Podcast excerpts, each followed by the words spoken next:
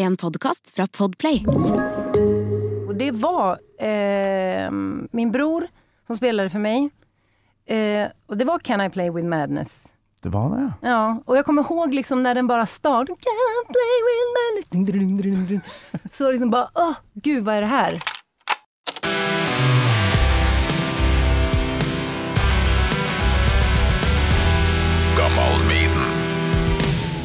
Kanskje skru på record med, alt det, med dette her.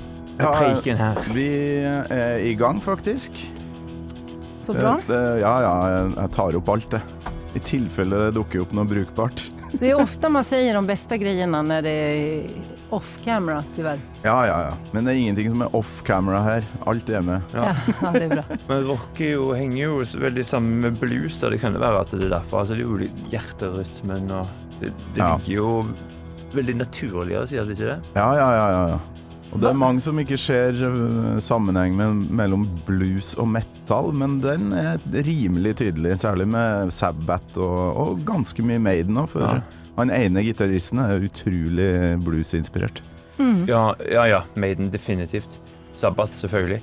Sabbath er et spesielt band også, for det hvor kom de fra, egentlig? Jeg forstår jo at det er fra blues, men det er det virkelig å gjøre en eh, egen vri på bluesen. Steike ta, vi er i gang, altså! Vi er i gang! Ja. Er dere klar, for- er klar for å begynne øh, episoden? Kjøre på! Kjøre på. Gammal Med Torkil Thorsvik. Kjetil Nernes og Karin Park, hjertelig velkommen til Gammal Maiden. Tusen takk. Takk for det. Jeg har akkurat uh, hatt et gjensyn med den uh, musikken som ikke ville dø-dokumentaren. Men det er jo noen år siden, så spørsmålet er hvordan har dere det nå? Oi. Ja. I dag? Vi har det fint. Ja, vi har det veldig bra. Det føles uh, som om det har gått oppover og framover. Fra den, det er nesten ti år siden den eh, dokumentaren nå, faktisk. Ja, det var, du fikk jo kreft og trodde jo faktisk at du skulle dø. Ja. Og så kommer du inn døra her, og så sier du Akkurat kommet fra USA, travel fyr. Du har kjørt Ja. fra Stockholm og hit. Sliten, eller? ja, det ble veldig mange timer eh, så, så nå blir jeg veldig forvirra av hvor en er hen, egentlig. Ja. Men jeg tror eh, at det gjør meg godt. Har noe å holde på med? Har noe å holde på med. Så jeg reiste til USA for å hente noen gitarer. Sånn kan jeg nå bruke tiden. Eh, Kjetil har vært i USA og hentet sin drömgitarr. Ok, Ja, hva er det? Hva er drømmegitaren for Kjetil? ja, Kjetil? det var en Travis Bean-gitar. Okay. Eh, og den eh, Ja, det var drømmegitaren, faktisk. Den har jeg drømt om siden eh, jeg starta band Mm. for eh, 100 år siden. Og så nå har jeg fått den, og så henter jeg jo noen av Alan Johannes eh, sine gitarer som han har eh, Som han vil ha i våre studio, og det er jo vår produsent Alan. Så de gitarene der, de har eh, De er noen veldig kule custom-gitarer som han har spilt med på noen kjempestore konserter. Han spiller okay. på Wembley Han spilte sist. på Wembley med den, Med den den. inne, ja, faktisk. Så det er så gøy. Du, ja, det sitrer litt, for nå har du fått tak i liksom Ja, ja, det sitter rock i de gitarene der. Ja, fy flate. Men Kjetil sa, alltså, om jag ska köpa, om jag någon gång ska köpa min drömgitarr så är det väl dags nu är det inte. Så han slog till, det tyckte jag var bra. Så nu, nu är allt på plats inför turné och allt. Og albumslipp. Yeah. Gratulerer med et fantastisk album. Dere er jo årabrott. Dere har òg en trommis. Jeg så dere sammen med Spider-God på Rockefeller. var helt utrolig bra. De som ikke har hørt eh, Årabrott, her er et lite god, godt gammeldags potpurri som er satt sammen av noe av det jeg synes er tøffest med det siste albumet som, eh, som kommer nå.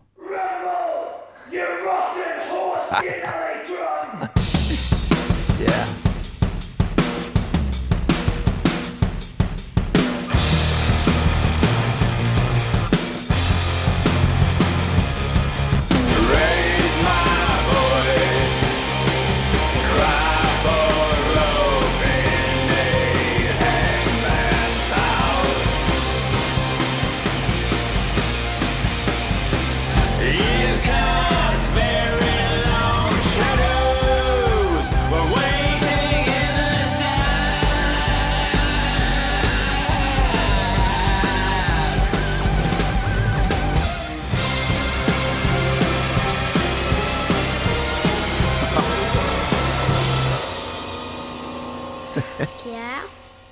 Yeah.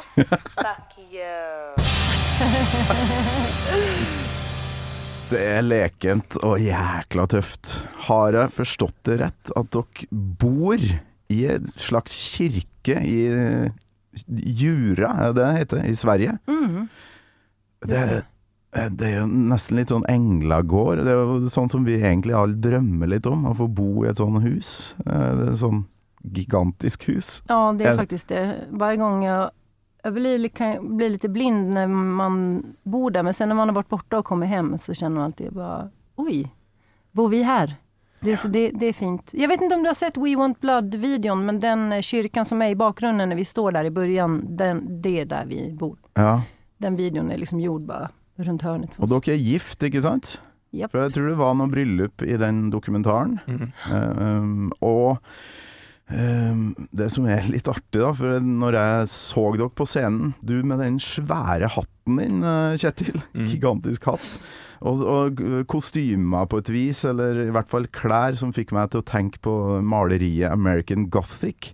Og så søkte jeg på det på Google, og så ja, var det noen andre som har tenkt den tanken før, tydeligvis. For uh, musikken deres kalles litt sånn Norwegian Gothic, uh, kanskje litt basert på den på det bildet, eller? For det, den kirka deres ligner litt på det huset som er bak det ekte Det er ikke et ektepar, det er en bonde og ei datter på bildet. Er det ikke vindusstilen, er ikke den litt sånn gotisk på den kirka dere bor i? Jo, men det er jo det. Ja. Ja, Det er merkelig hur alle de der sakerna vävs ihop liksom. Vi har väl Er det tilfeldig?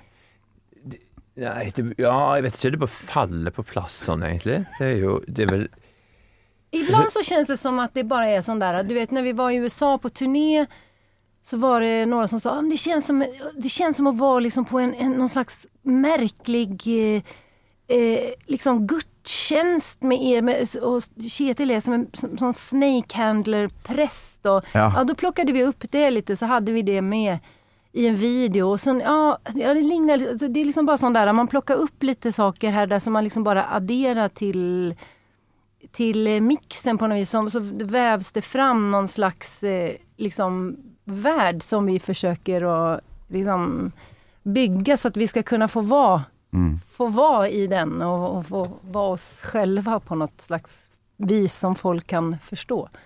Ja, det er litt som å være i en menighet når dere går opp på scenen der, og stå og, og se på hvordan dere eh, beveger dere, og det er litt sånn preacher-aktig.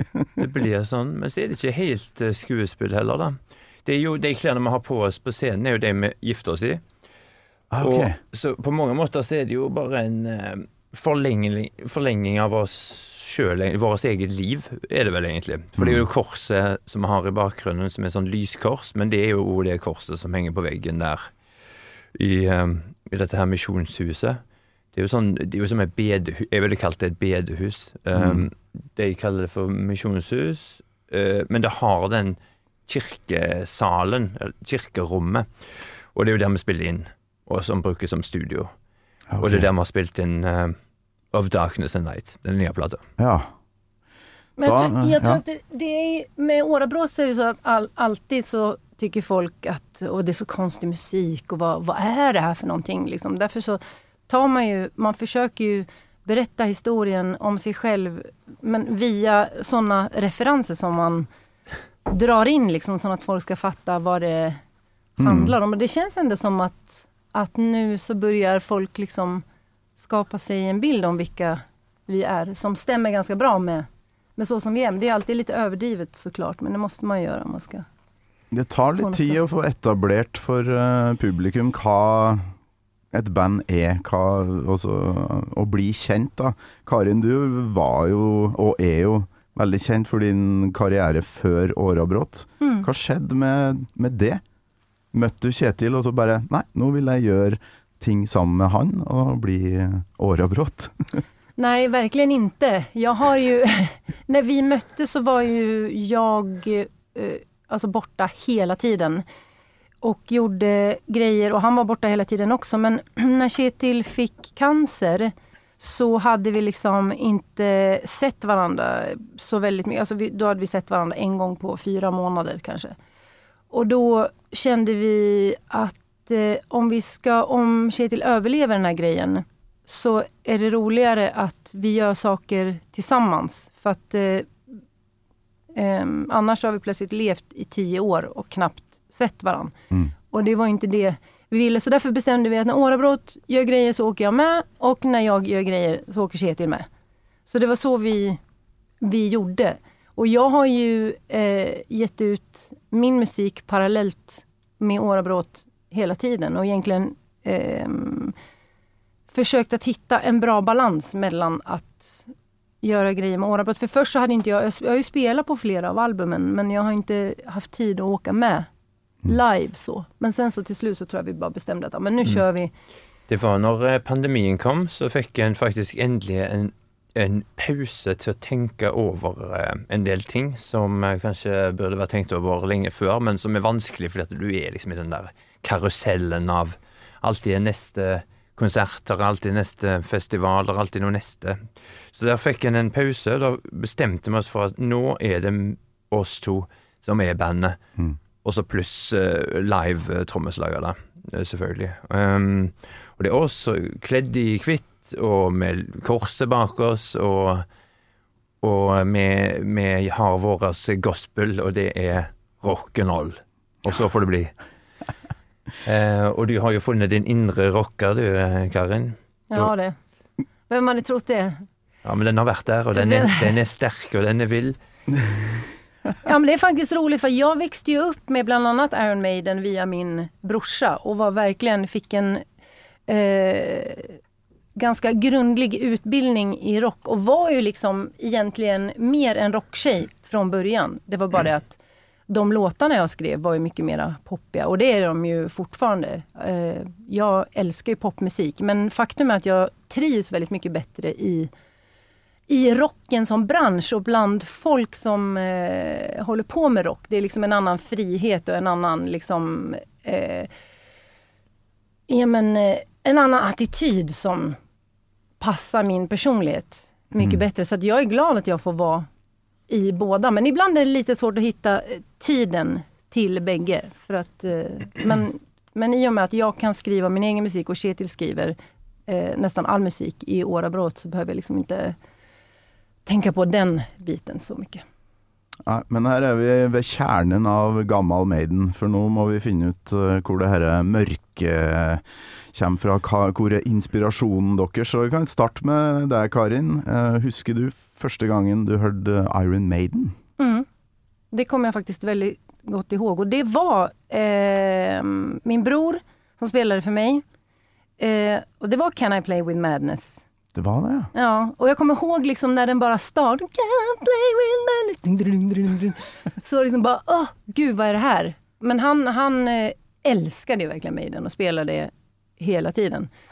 Um, men det var, det var inte, det var egentligen Metallica som var det allra, um, som var min brors allra första möte. Jag tror det var eh, Master of Puppets som han liksom, första gången han hörde sån musik. Och bara stod med sina kompisar böjd över skivspelaren och bara wow! Liksom. Men Maiden kom inte långt efter. Så det, det var ett, ett uppvaknande som han var väldigt villig att dela med mig också.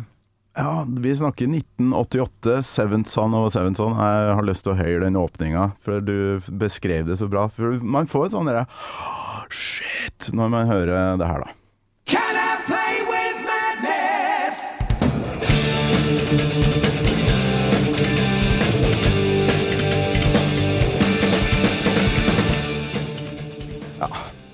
Det er kubjelle, og det, det spilles på alle strenger. Som, det er synt òg, vet du. Ja visst, Og det, det som er så rolig, er at i det lilla klippet der Jeg har jo spilt med min bror i ti år, han er jo liksom rocktrummis også. Eh, han har for øvrig spilt på en av våre skivorna Men han, alltså bare det lilla klippet så hører jeg trumstilen er så lik hans, eller det er der han har tatt trumstilen. Ja, han har plukka opp fra Ja, visst. Nico Det låter exakt som han. Ja, det, det, det är komiskt hur det, hur det kan plockas upp sånn. Det tror jeg er en mann som har inspirert ganske mange trommiser, altså. Eh, Kenneth Kapstad i Spider-God eh, er jo gigantisk Maiden-fan, og, og spiller jo som en gud, han også. Ja. Men uh, over til Kjetil. eh, kan du huske det øyeblikket, eller når du fikk høre Iron Maiden? Jeg vet ikke, hvor gammel er du? Ja, jeg, jeg følger jo i Altså, i, i kveld følger I kveld? Ja, fordi at det ble Det, det som jeg Han er på amerikansk. Ja, jeg fyller 12. oktober. Men vi feirer min bursdag i dag på lyttefesten på Vaterland. Det er jo egentlig det, da. Så det blir i kveld over klokka tolv. Det er ikke i dag, det er i morgen. Og da blir Eh, og da ble jeg 44. Jeg er født i 1979. Ja. Men jeg um, Husker du første gangen, da? Ja, jeg husker faktisk første gangen jeg òg, men jeg var For meg var det helt annerledes, for jeg um, var veldig interessert i egentlig alle typer musikk utenom eh, Metallica og Iron Maiden og disse her. Jeg ble jo interessert av musikk ganske seint, egentlig. Så det var midt i, midt i høysesong for grunge på 90-tallet. Så jeg var jo veldig, kan man si, interessert i de bandene der. Nirvana og etter hvert Melvins og disse her mer sludgy og heavy eh, grunge-bander, da. Mm. Som på en måte ikke er helt Iron Maiden. Men um, nå er jeg fra Haugesund, da, og der er det eh, mye godt uh, Maiden-blod ute. og kan en jo si. Og um, det jeg husker, altså, det, det var på fest der. Så indirekte så kan en jo si at uh, jeg har vært inspirert av Maiden på den måten at eh, de, mange av de festene der var det Det var ganske hardcore, egentlig. Det var mye sånn eh, hjemmebrent og, og, og, og drugs, altså sånne kjipe drugs. GHB og jeg husker det var mye av, som eh, som jeg så rundt meg allerede den gangen hadde sånn negativ effekt at jeg eh, bestemte meg når jeg var 18 år at jeg aldri skal røre noe av det her. Ever. Og, og, men soundtracket til det her, da, er jo Maiden. um, det er så bra! Ja, Det er en veldig fin uh, så jeg husker ikke akkurat den låten her, da, men jeg, ja, Run to the Hills husker jeg veldig sterkt. Det er liksom en gjeng med sånne bajaser på, i Haugesund på, på 90-tallet. Fulle av eh, grusom drugs. Eh, så, som hoier og opp på tak og du vet liksom sånn. Og da var det Run, Run to the Hills og, og annet av Maiden og, og lignende. Så du slo opp med alt av uh, drugs og heimbrent òg, eller? Eh, Ja, nå var jeg borti det etterpå, men uh, en prøvde å slå opp med Ja. Men en pils går jo greit. Jeg tycker du skal berätta historien om hvordan du började spela gitarr, for den er ikke riktig lika rumsren, på tal om å få kontakt med hembränt. Ja, ja. ja jeg, jeg, jeg, jeg, måtte vel Mamma ba meg eh, Jeg fikk eh, Jeg ble grounded for eh, et, på et, ja, et halvt år, tror jeg jeg fikk. For jeg kom hjem i Kom hjem, jeg husker ingenting. Kitty ble hjemkjørt i en trillebår, og da ble hans mamma veldig arg og fikk han husarrest. Men det, nästa helg ble han hjemkjørt i en trillebår igjen. Og da Ja, fikk han husarrest i et halvt år. Då, var så du begynte å spille gitar, eller hur? Og du hadde husarrest, og så hadde du bare en gitar som du plukka opp, eller? Ja, det husker jeg ikke helt faktisk Men Det var Kanskje det var bestefaren min sin, men jeg, det var noe sånt. Så jeg lærte meg Nirvana-sanger på den måten der. Altså bare, jeg husker far min brølte opp fra etasjen under Stem den jævla gitaren! Jeg kunne ikke stemme gitar. Jeg kan fortsatt ikke stemme gitar. Men det var sånn det starta, ja. Det er derfor vi er gift, jeg kan hjelpe Kjetil å stemme gitaren. Ja, I denne dokumentaren da, som ligger på YouTube, faktisk, bare å se den for hvem som helst, når som helst, eh, der kommer det fram at du inntil nylig ikke visste forskjell på dur og moll, eller hva det konseptet dur og moll var for noen ting. Ja, det kan godt være. Jeg tror Etter at du har laga musikk i 15 år eller noe sånt. 20. Ja. Det er interessant. Der er, der er noen av oss. Eh, jeg var nå i USA og besøkte Brian, som er lystmord. Han òg er på samme måten. Han er sånn ambient eh, En av de første som begynte med sånn dronemusikk. Tidlig på ja, slutten av 70-tallet, begynnelsen av 80-tallet og utover. Og, og han òg er jo på akkurat samme måten. Men eh, ja, det er en annen innfallsvinkel, kan en vel si. Jeg vet ikke hvordan jeg tenker sånn, men jeg, jeg føler jeg har eh, rock i blodet helt og holdent. Så noe må det jo være av musikalitet òg. Men, Men, når du eh, liksom ja. senker tersen og bare sånn mm, det var tøft, og så bruker du det. Det er ikke sånn bevisst at det er en moll-akkord, liksom. Kanskje ikke Det har, det har blitt bedre med tiden, da. Det skal en jo si. Alltså det er bare Men ett annat det en- en, annen innfallsvinkel. Det, det er ju först när man börjar kommunisere om musikken og skal forsøke å forklare for hverandre hva man gjør. Det er jo Ja. da liksom dur og moll behøves. men annars behøves det egentlig ikke. Så Karen, du forklarer jo i eh, musikalske eh, sånne uttrykk, og jeg eh, er mer eh, jeg, jeg bruker mer bilder på det, og Ja. referansepunkter veldig mye. da. Er utrolig interessert av rock'n'roll. Jeg har jo tenkt på det Det har liksom gått opp for meg ved, med tiden, og hvor jeg elsker jo rock'n'roll. Det er jo det jeg holder på med. Og eh, det er ganske variert òg. En ser um, vinylsamlinger hjemme. Det går jo fra det ene til det andre, men det er rock det er snakk om. Ja, kan du huske det øyeblikket? For, eh, for min del så fikk jeg jo mye sånn Dire Straits, Bruce Springsteen gjennom pappa og sånt, men det var jo liksom når noen satt på Iron Maiden at det bare Ja, Mm. det her. Nå er jeg ferdig. Jeg er Mm. solgt. Ja, det var, Hva var det bandet for deg? Ja, det var Nirvana. Det var det, Ja, ja. det var det. For det var akkurat den tiden eh, det var, Og jeg var seint. Jeg starta utrolig seint. Jeg begynte å spille de her episodene med den trillebåren. Da var jeg 15. Så det var samtidig Det var liksom drikke og alkohol Alkoholen pluss uh, rock'n'roll som dukka opp der samtidig. Det er jo alvorlig det her egentlig, men jeg er nordtrønder, så jeg syns det er kjempeartig med Ja. folk som blir dritings og får husarrest. Ja, ja. Det er artigste jeg vet. Ja, det var i hvert fall en historie jeg kunne fortalt da i uh, hvor mange år etterpå. Så um, det var Jeg syns altså det, tror, det er det samme i Haugesund. Haugesund, ja. Jeg har en kollega fra Haugesund borti gangen her. Og ja, ikke så veldig hard på festing og sånn, kanskje. Jeg sett for meg Haugesund som kanskje litt mer sånn uh, pietistisk og ikke så, ikke så mye heimbrent. Nei, mer uh, narkotika kanskje. I hvert fall var det så. Og ok. problem med heroin osv. Men jeg, jeg vet ikke, jeg vet ikke jeg heller. Jeg, jeg um er bare en fyr som tilfeldigvis kommer derfra. Jeg kjenner det fortsatt. Jeg kjenner vinden og regnet og 13 grader til jul og 13 grader på midtsommer. Og ja. Alltså vi bor i Sverige, men Kjetil er bare en nordmann i eksil. Han uh, har to vänner i Sverige, begge er norske. Begge de prater svenska, men Kjetil han skulle aldri finne på å begynne å prate svenska. Han er bare en nordmann som oppholder sig tillfälligvis i Sverige og har noen barn Ja. som bor der. Ja, men det er sånn det skal være. Jeg er trønder i Oslo. Jeg skal ikke begynne å snakke annerledes på grunn av det. Nei. Nei, men jeg føler jeg gjør eh, Nei, men det, det, en gjør vår uh, misjon. Ja. Og det er dette her som eh, har blitt min misjon. Det er å gjøre rockemusikk uh, i uh, all slags forskjellig rockemusikk. Og for å få det her til, så har vi skapt vår egen verden.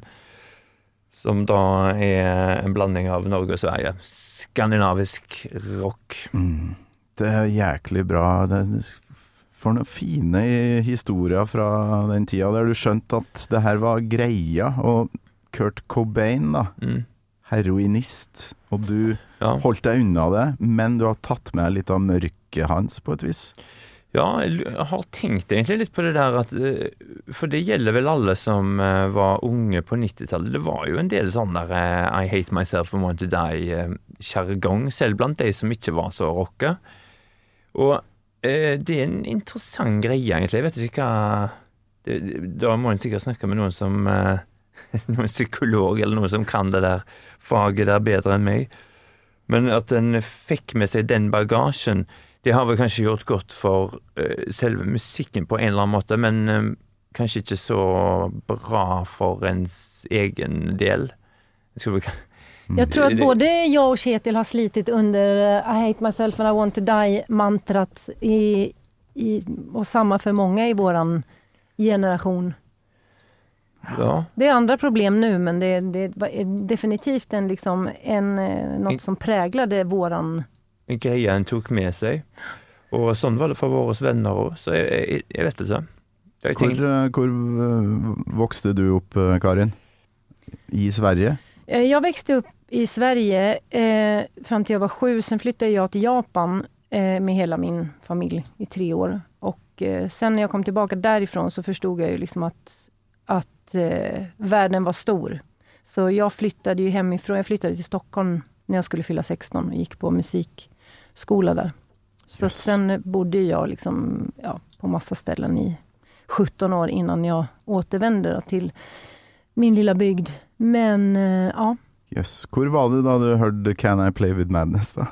Nei, det, altså, det var jo typ når jeg var, Hva kan jeg ha vært? Kanskje 10 eller 11 eller noe sånt. Alltså när Kjetil började lyssna på musik, da hadde jeg vetat at jeg skulle bli artist og stått på scen i typ 10 år redan. Så jag var ganska tidigt ute med liksom allt sånt. Mycket tack vare min brorsa då. Men jag Ja. hade ju musiken väldigt tidigt. Jag var extremt intresserad eh, av att stå på scen från en ålder av två år. Och faktiskt min första, mitt första uppträdande var i den kyrkan som vi nu äger.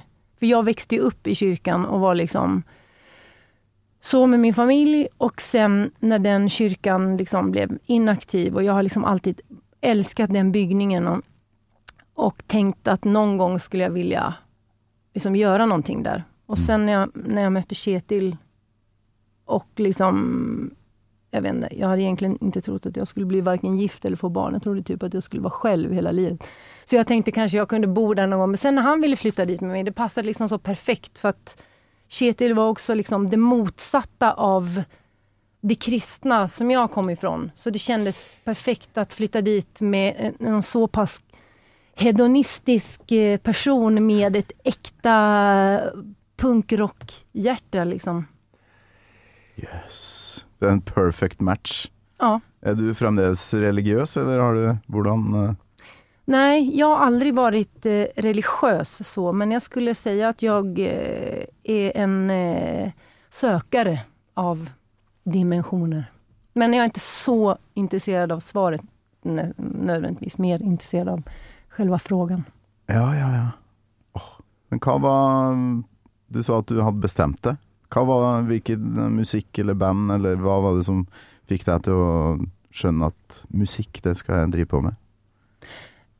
Nei, altså Jeg skulle ønske at jeg kunne sagt at det var Nirvana eller noe sånt litt tøffere, men faktum var at det var, Når jeg var seks år så såg jeg Carola på scen. Och då förstod jag att att sjunga kan vara ett jobb. Och då bestämde jag mig för att det ska jag göra.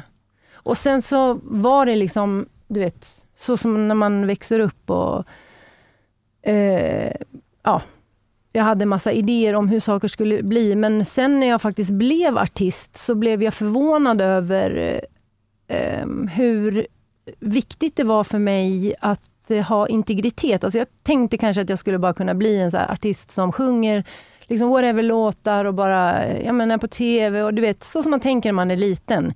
Men sen när jag väl blev artist så, så blev jag chockad över hur viktigt det var för mig att liksom få göra det som jag verkligen ville göra och få rätt uttryck. Och det tog tid för mig att, att hitta det rätta uttrycket. Mm. Och eh, sen när jag började i Årabrott, så i början så tänkte jag, jag hade aldrig sett för mig att jag skulle spela i ett, i ett rockband. Men till slut så kände jag bara, gud, jag, hår- jag, jag håller på att hitta liksom min grej här. Liksom. Och nu känns det som att det har verkligen fått slå ut i full blom. Och det känns, det känns roligt. Ja. Vi, vi har hållit på länge. Vi, vi har, Hva er det du har der, Kjetil? Jeg, jeg fant tilfeldigvis i jakka, det hadde jeg glemt, men her er jo Nirvana sticker, klistremerke, Du har et klistremerke med deg i jakka di. faktisk. Og av alle ting, eh, grunnen til det var at jeg hadde eh, lunsj med Chris Novoselic fra Nirvana, bassisten. Og da, og da eh, var det sånn at For han sa at det, det var så utrolig masete å være blant folk. På en måte skrive så mye autografer. At han eh, begynte å eh, ha med seg klistremerker som han ga til folk.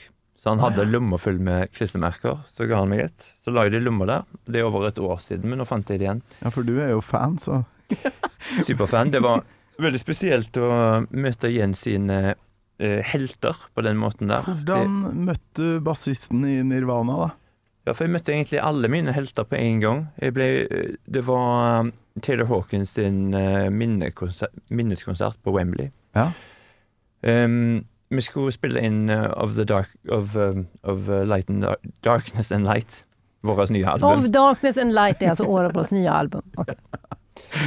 Så eh, um, det, Dette her var i fjor, og vi hadde satt av en måneds tid med Alan, eh, vår produsent. Og da så eh, Så ringte han Alan opp uh, før det, og så sa han at å nei, men, eh, det har kommet opp ei greie som jeg må gjøre midt i innspillingsperioden. og og det er jeg ble, Dave Dave ringte opp. Ja, ja Dave Grohl. Eh, Jeg skal spille med Foo Fighters på Wembley. Er det, er det OK om jeg, om jeg får gjort det? det? Det tar ei uke. Sorry, sorry. Og vi var jo bare Ja, selvfølgelig er det, det er helt OK. Herregud. Um, Produsenten her, altså, han Ja, han Ja. spiller jo i dag i velrenommert, for å si det sånn. Da. Ja, det kan du si. Han spiller, det var Them Crooked Vultures, skuespiller der. Han er jo med der. Ja. Um, så han uh, Som jeg sa, selvfølgelig, det går helt fint. Gjør greien. Men han syntes at det var så kjipt at han skulle uh, ta opp hele uka av det. Uh, så han sa 'bli med'. Så sa karen at eh, 'stikk du, Kjetil'. Og så ble jeg med på det her, da. Så da var jeg med Len uh, i ei uke i London, og bodde på dette her hotellet sammen med alle disse rockerne. Og da var det jo hele gjengen der, da. Egentlig bare nevn noe. Jeg tror ikke Iron Maiden var der, faktisk. Met Nei. Metall Men, men Lars Ulrich var der. Metallica var der, og Lars, han er overalt, vet du. Han var der selvfølgelig. ACDC, Rush. John Jett. Ja, og ja, de der Pretenders og um, Foo Fighters og Queens of Stone Age osv. Så, videre, og så, videre. så da møtte en jo alle disse her, spiste middag med de, hang ut med de. Helvete. Gratis bar i ei uke, som kanskje ikke er så bra for noen som er um, småbarnsforeldre. Og, Nei, nei. eh, Men kom igjen og eh, Det tenkte du på der, der du satt og fulgte med på. jeg bare tenker, nå må jeg jo oppføre meg. Kjetil ringde till mig och bara, alltså nu sitter jag här med alla mina Gamle barndomshjältar och bara käkar Ja. middag med de här. Ja, så da møtte en eh, alle de her, og det var, det var veldig spesielt. For det var veldig spesielle greie for deg jo, fordi det, det var jo en minneskonsert, og det, det var veldig mye følelser der, og det var veldig fint.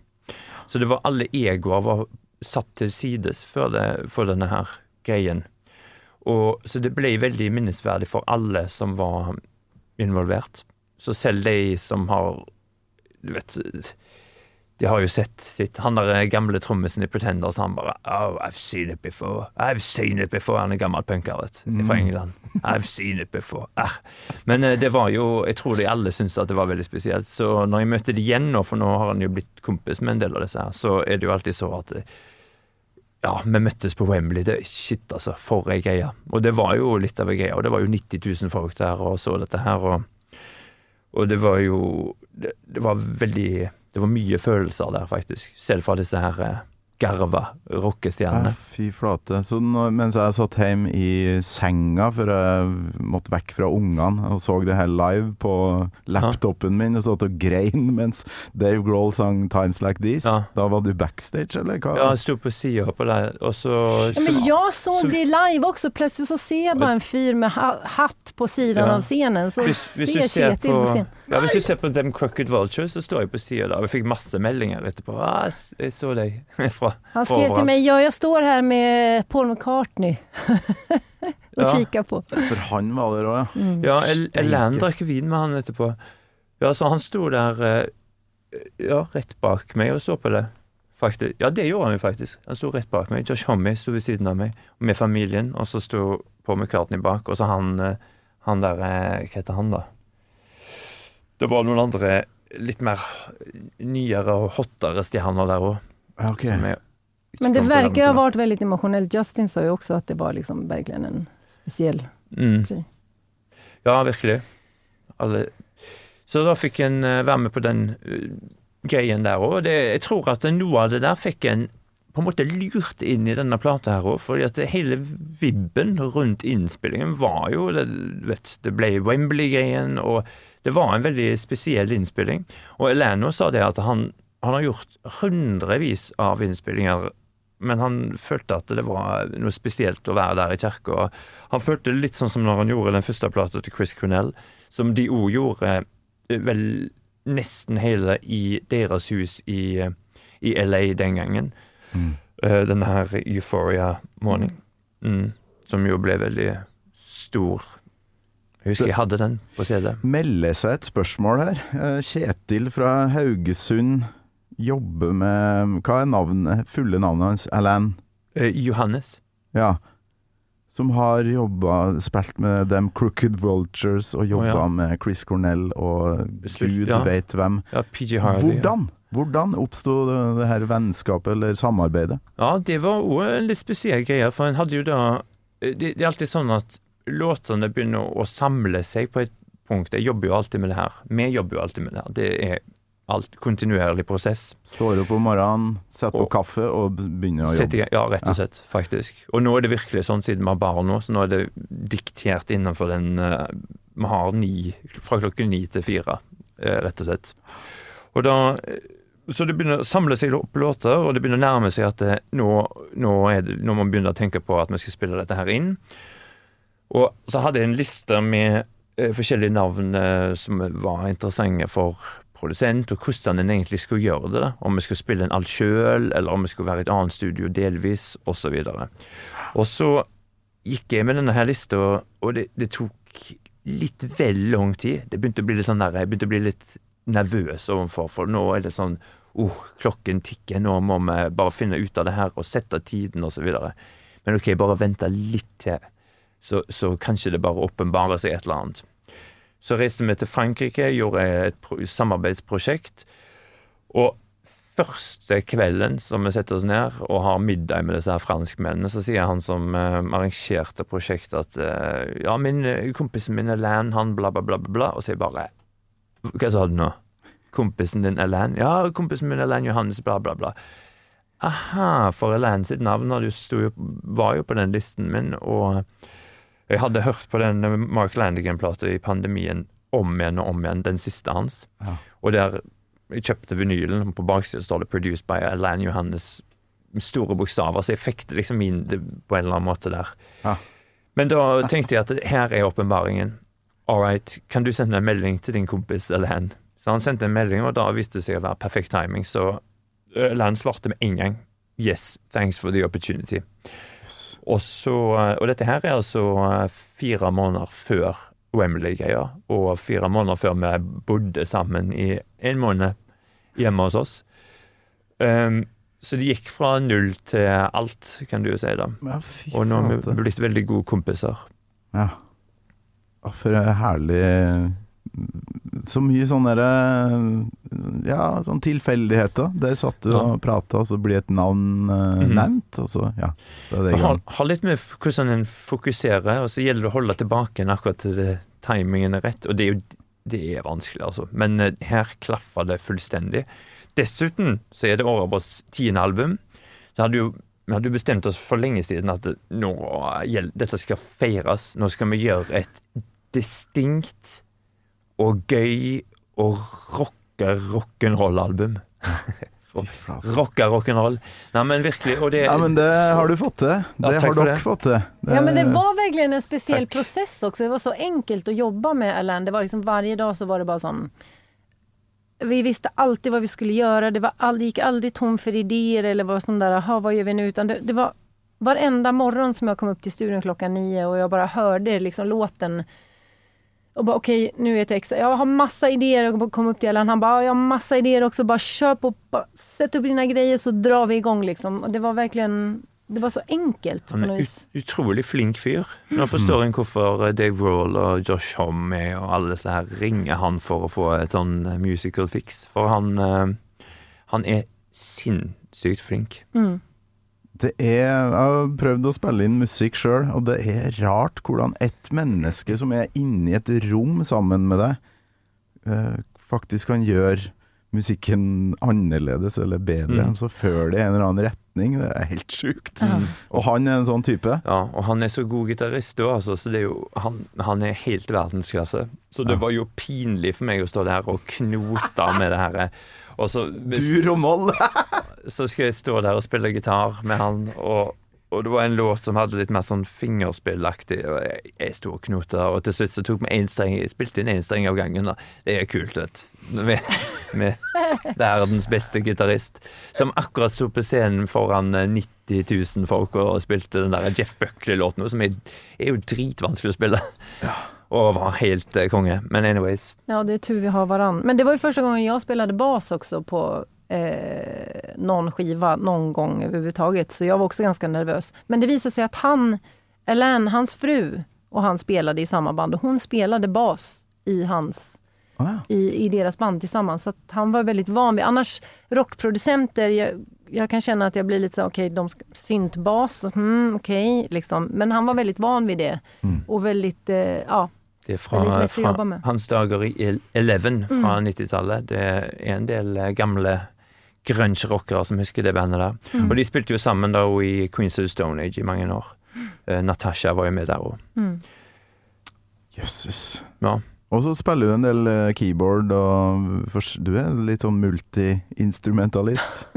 Går det an å kalle det det? Alltså, eh, det, det ordet, altså. det, er det är ett så merkelig ord. Men, men ja, just nu i Årbrott kjenner jeg meg faktisk lite grann som en, en multi-instrumentalist. Kult da, å stå på scenen og bare veksle, og ja, nå går jeg bort dit og spiller litt på det, og Tyvärr må jeg spille alt samtidig. Det er det som er utmaningen. Men, eh, men ja, det er kult.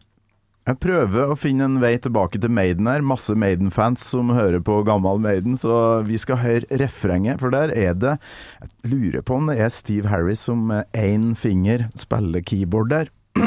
Og det er en sånn syntmelodi som jeg Da jeg hørte Can I Play With Madness første gang, så jeg la ikke merke til keyboardet. Uh, I voksen alder at jeg bare Ja! Det er jo det som gjør det refrenget så kult. Og det skal vi høre på nå.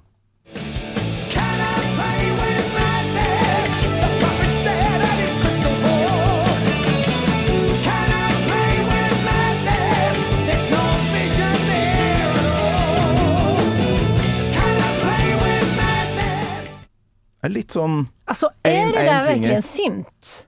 Ja, altså, jeg har en sånn derre Kanskje det er sånn gitarsynt. Uh, Men altså, ja, for meg, var det ikke Bruce Dickinson som sa at syntar ikke hører hjemme i jo, jo, jo.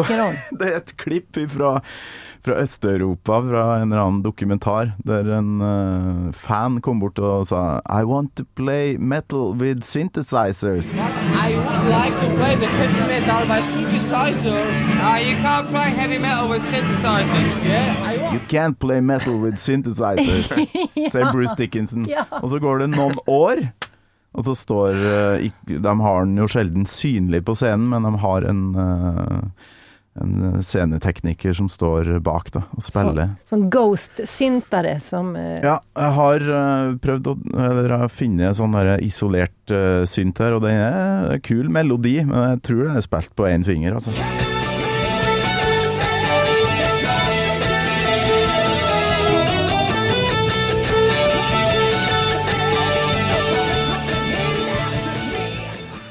Men han var veldig fan av sånn gitarsynt, da. Ja, for det låter, som, eh, låter lite som en synt og låter lite som en... Ja, kanskje det er gitarsynt de bruker, da. Ja, men det er kanskje det som er Maidens grej. Men jag, jag skulle virkelig vilja... Man kan spela, jag vet inte metal, men rock'n'roll kan man i alla fall spela med syntar. Det har jeg sett til. Altså, synt i metal er jo blitt svært. Mm. Altså, det er jo dritkult. Dimmu Borger og masse. Det er jo symfonisk, nesten. Ja, det är det verkligen. Alltså det är varierande resultat tycker jag. Ibland så går det bra, ibland så går det åt skogen. Men, eh, Helt enig. men eh, Det de som holder håller sig innanför. Ja, men det, det, det cheesy. är, ja, verkligen. Det är inte lätt att navigera som eh, syntist i rocken. Alltså, men eh, med eh, en, en sån fyr som Kjetil vid sin sida så, så, eh, Så går det an. så hittar man rätt. Och Alain såklart. You're listening to a podcast. I'm Bruce Dickinson. You're not. And you're listening to Gamal Maiden. Hva bruker dere? Er det mye sånn gamle synter? Sånn Moog og sånne kule farfiser og mye sånn Ja, gamle ting? Ja, jeg spiller jo Korg MS-20, den er gammel, og uh, Moog også gammel, uh, og Mellotron er gammel. Men faktum er at uh, vi også är intresserade av nya typer, speciellt nytt liksom basan. Vi lyssnar en del på hiphop. Det, det är väldigt eh, mycket coola nya bassyntar. Mm. Det är, eh, jag håller på att forska på det lite. Det är inte helt lätt att hitta, mm, hitta rätt i denna uppsjö. Men vi, vi vill absolut eh, inte gå för långt i den retro-grejen utan eh, ja, blicka lite framåt. För, med Ja, man holder ikke på med det der. Det er, det er en god blanding, altså, av uh, nytt og gammelt, rett og slett. Mm. I hele innspillingsgreia. og Ja. eh, både for gitarer nå gjelder jo det. Jeg har jo en hel haug med gamle amper som jeg bruker. Men vi bruker jo uh, sine helt moderne uh, hva er, Jeg vet ikke hva det er for noe. jeg. Det, men alltså, vi blandar liksom eh, mobiltelefon med det gamla analoga syntet. Det har liksom ingen, så lenge det hits the spot Mm. liksom. Det har mer med ja, så, sånn Den kreative, den flowen er jo det viktigste, Mm. absolutt, i de her eh, eh, studiosammenhengene. Og Alain er veldig bra på å jobbe i boksen, altså i, i, i dataen. Så, ja, eh, så det har gjort godt. Men vi bruker noen gamle. Vi har jo ham, gammel Hammond hjemme, vi har jo den gamle mellotronen. tejp, Og vi har jo et kirkeorgel, om man vil ha det. Et ekte Ja, men jeg så i dokumentaren at det var, det var et orgel Ja, det er det. på um, Hva det heter Mesanin Nei. Ja, på Nei, galleriet der. Galleriet, ja. Ja. Så ju, bruker dere det noe særlig, da? ja, vi har brukt det. Ja. Det er stemt eh, annerledes enn en gitar, for det er stemt i sånn eh, gammel, sånn gammeltestamentlig eh, hertz. Ja, precis. så, så, den så du må liksom Det krever Det er litt dilldall med å få det til, men vi har brukt den på Stemt før Kristus. Ja, ja den, er det. den er stemt eh, virkelig Black Sabbath. Ja, Så um, Første Mosebok. Eksakt, den var stemt rundt første Mosebok. Så den, men du har brukt det på dine plater, Karen, og vi har brukt det i Årebrott. Uh, husker ikke om det, vi brukte det på akkurat den plata her. Det, det er jeg faktisk litt usikker på. Men vi har brukt det ganske bra, ja. Og det, det er spesiell stemning av det Ja, husorgelet der. Stemning, der har du et bra ord eh, i årabrott-sammenheng. Of darkness and light. Om mørke og lys. Men så vet jeg at du Du har trodd at du skulle dø eh, innen ganske kort tid, da du fikk eh, den kreftdiagnosen. Mm. Men det ordna seg. Altså, hvordan var, hvordan var den veien tilbake til en tanke på at det skal bli mer? På et vis. Ja, det var, en, det var en spesiell tid det her. Det er jo nesten ti år siden dette jo faktisk. Det, det var jo Det var intenst, og det var forferdelig, og det, vi var sammen i det her. Og det gikk Det var ganske kort periode, egentlig, det året der jeg fikk en skikkelig hestekur som eh, satte meg ut eh, kjempelenge. Og, men når en kommer ut av det her, når en først har fått eh, dødsstempelet, og så kommer en ut av det, så føler en jo at en har fått en ny sjanse. En har brukt opp alle kattelivene, men du har den siste igjen. Og det gir jo en slags sånn hei, sant, at du lever jo ganske ovenpå i ganske lang stund etterpå. I mange år, egentlig. Men så begynner det så smått om å gå tilbake til en slags normal. Og da så jeg at eh, i, i den normalen så var det visse problematiske ting med meg sjøl som jeg måtte ta tak i. Som kanskje var de tingene ord som gjorde at jeg ble sjuk i utgangspunktet, ikke vet jeg. Men Mm. det, var, det var i hvert fall visse ting. Og de tingene er prosessert på den plata her.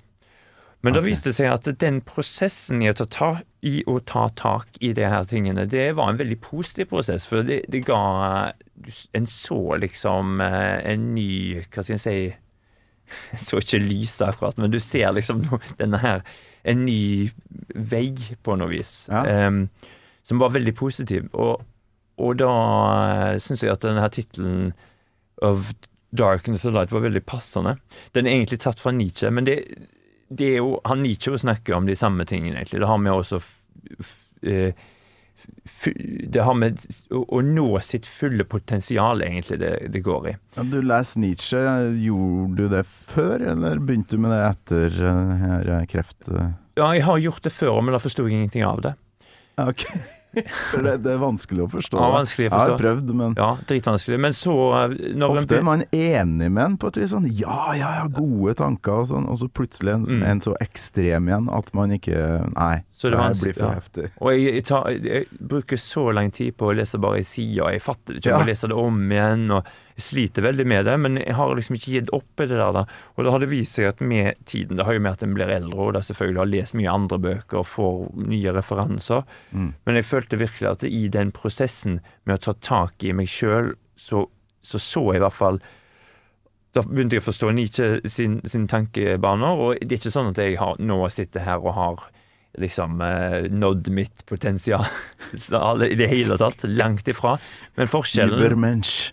Ja, nå har jeg Men du har jo forstått Men nå- at det fins et potensial. At det er et potensial der noe sted. Ja. Og om en snakker om bare meg sjøl, eller om oss som band, eller hvordan det er, det, i hvert fall så er det jo for Årabrott en del så føles det at det der er vi har ikke nådd eh, potensialet ennå. Det er mer å gå på her, og det er Ja. mye gøy. Og det er, det er som en sånn eh, taubane over eh, et stup. Fy Eh, du legger lista høyt her da, for deg sjøl, hvis du hele tida streber mot et sånn Uber, altså sånn potensial som du skal nå. Ja, men jeg tror at det kommer naturlig òg. Det er ikke sånn at eh, det er sånn Å, vi må nå eh, Vi må fram, vi må opp uh, i, i en desperasjon. Det er så at det føles helt naturlig.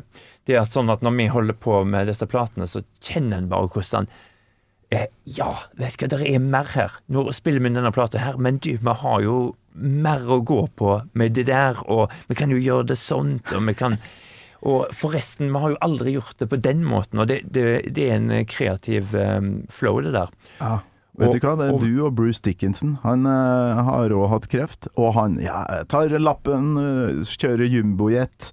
Jeg skriver bøker, jeg skriver manus til film, jeg reiser på turné med soloprosjektet mitt, tilbake til Maiden. Sånn, Han- han, han- har et potensial som jeg føler han har nådd. Ja, han, er jo, han er jo helt utrolig, og jeg er jo ikke sånn i det hele tatt. Men, men i forhold til det som jeg holder på med, så er det jo det.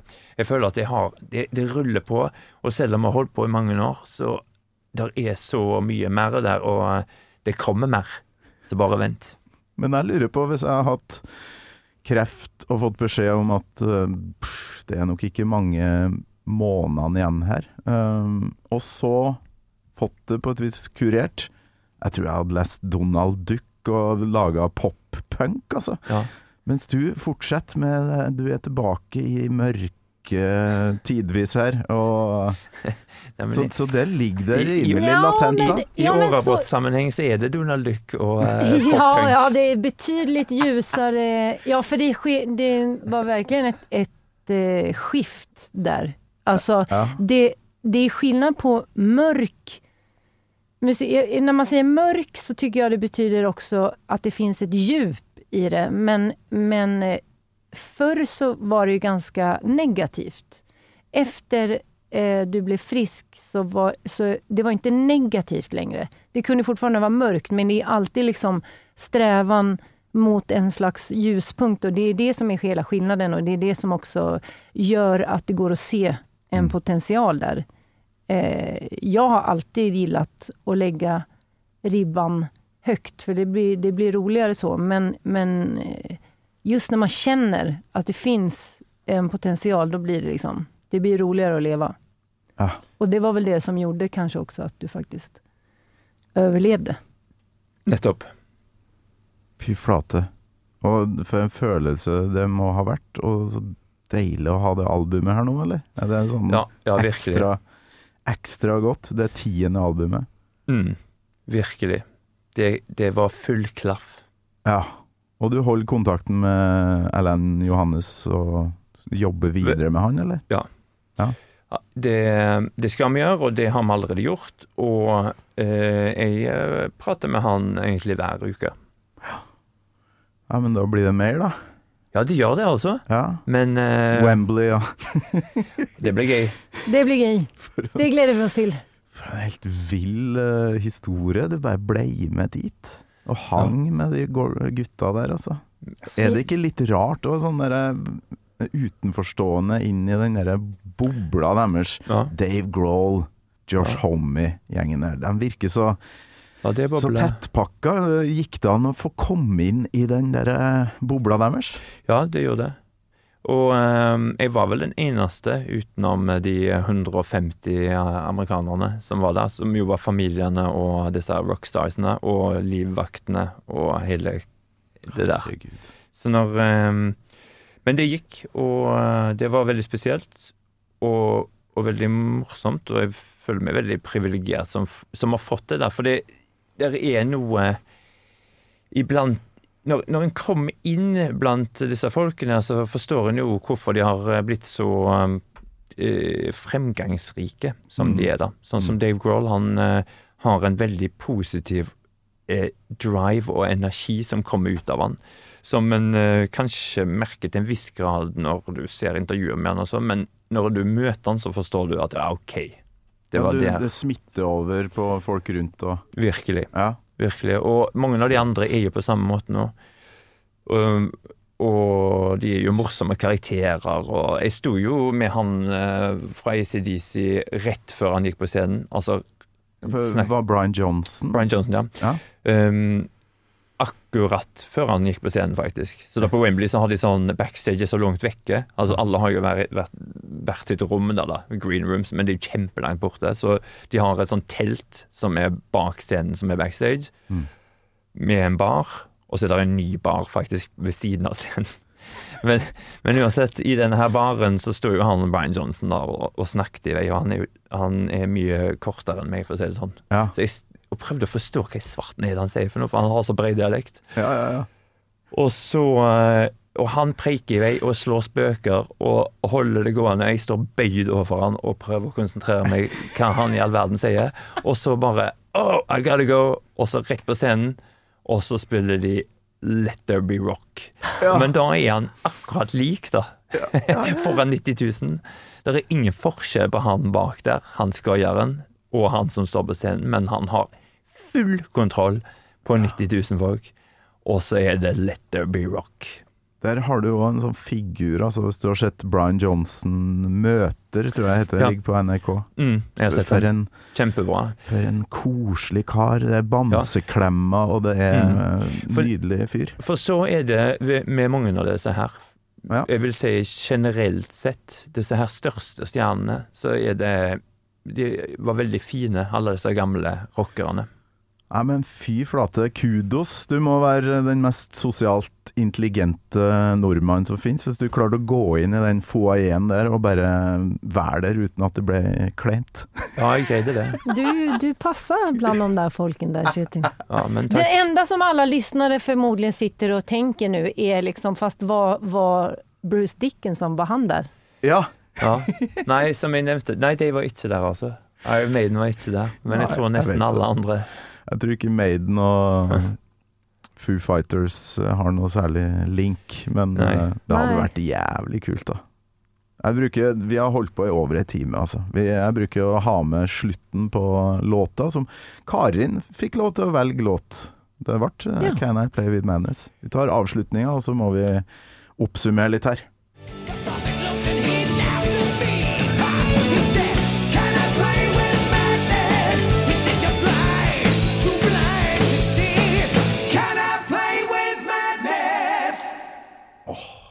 Genialt. Og start og slutt på samme måte. Mm. Herlig reverb der. In medias res. Men, for ei reise. Nå, nå har vi vært innom jækla mye. Ja, Viktigst av alt, tiende albumet til Årabrot. Uh, of Darkness and Light. Storfest i kveld, har jeg skjønt. Med lytting og Ja, lyttefest på Vaterland i kveld. Sånn skal og, det være. eh, og Slipp. Ikke på- noe heroin, ikke noe kokain, ingenting. Nei, det Bare ble- pils. Nei, det, var, det ble slutt med, med Iron Maiden som soundtrack, eh, med sånn eh, GHB og himkok-party i Haugesund på 90-tallet. det blir vodka shots. Du kan takke Iron Maiden for at du ikke ble narkoman. Det er jo Nå- godt nå- oppsummert. Ja, nå drar jeg det langt her. Men uh, kult at begge to husker liksom første Maiden-møte og, um, og er inspirert egentlig av den epoken. da. Så Ja, men faktisk. lykke til med release, begge to, og med barn og greier. Er det én eller to, eller? To. To stykk. Gratulerer med det, og gratulerer med album. Tusen takk for besøket, Kjetil og Karin. Takk for at vi fikk Takk for komme. Gammal Maiden med Torkel Thorsvik. En podkast fra Radio Rock. I would like to play the heavy metal by synthesizers. Ah, you can't play heavy metal with synthesizers. Yeah, I want. Du har hørt en podkast fra Podplay. En enklere måte å høre podkast på. Last ned appen Podplay, eller se podplay.no.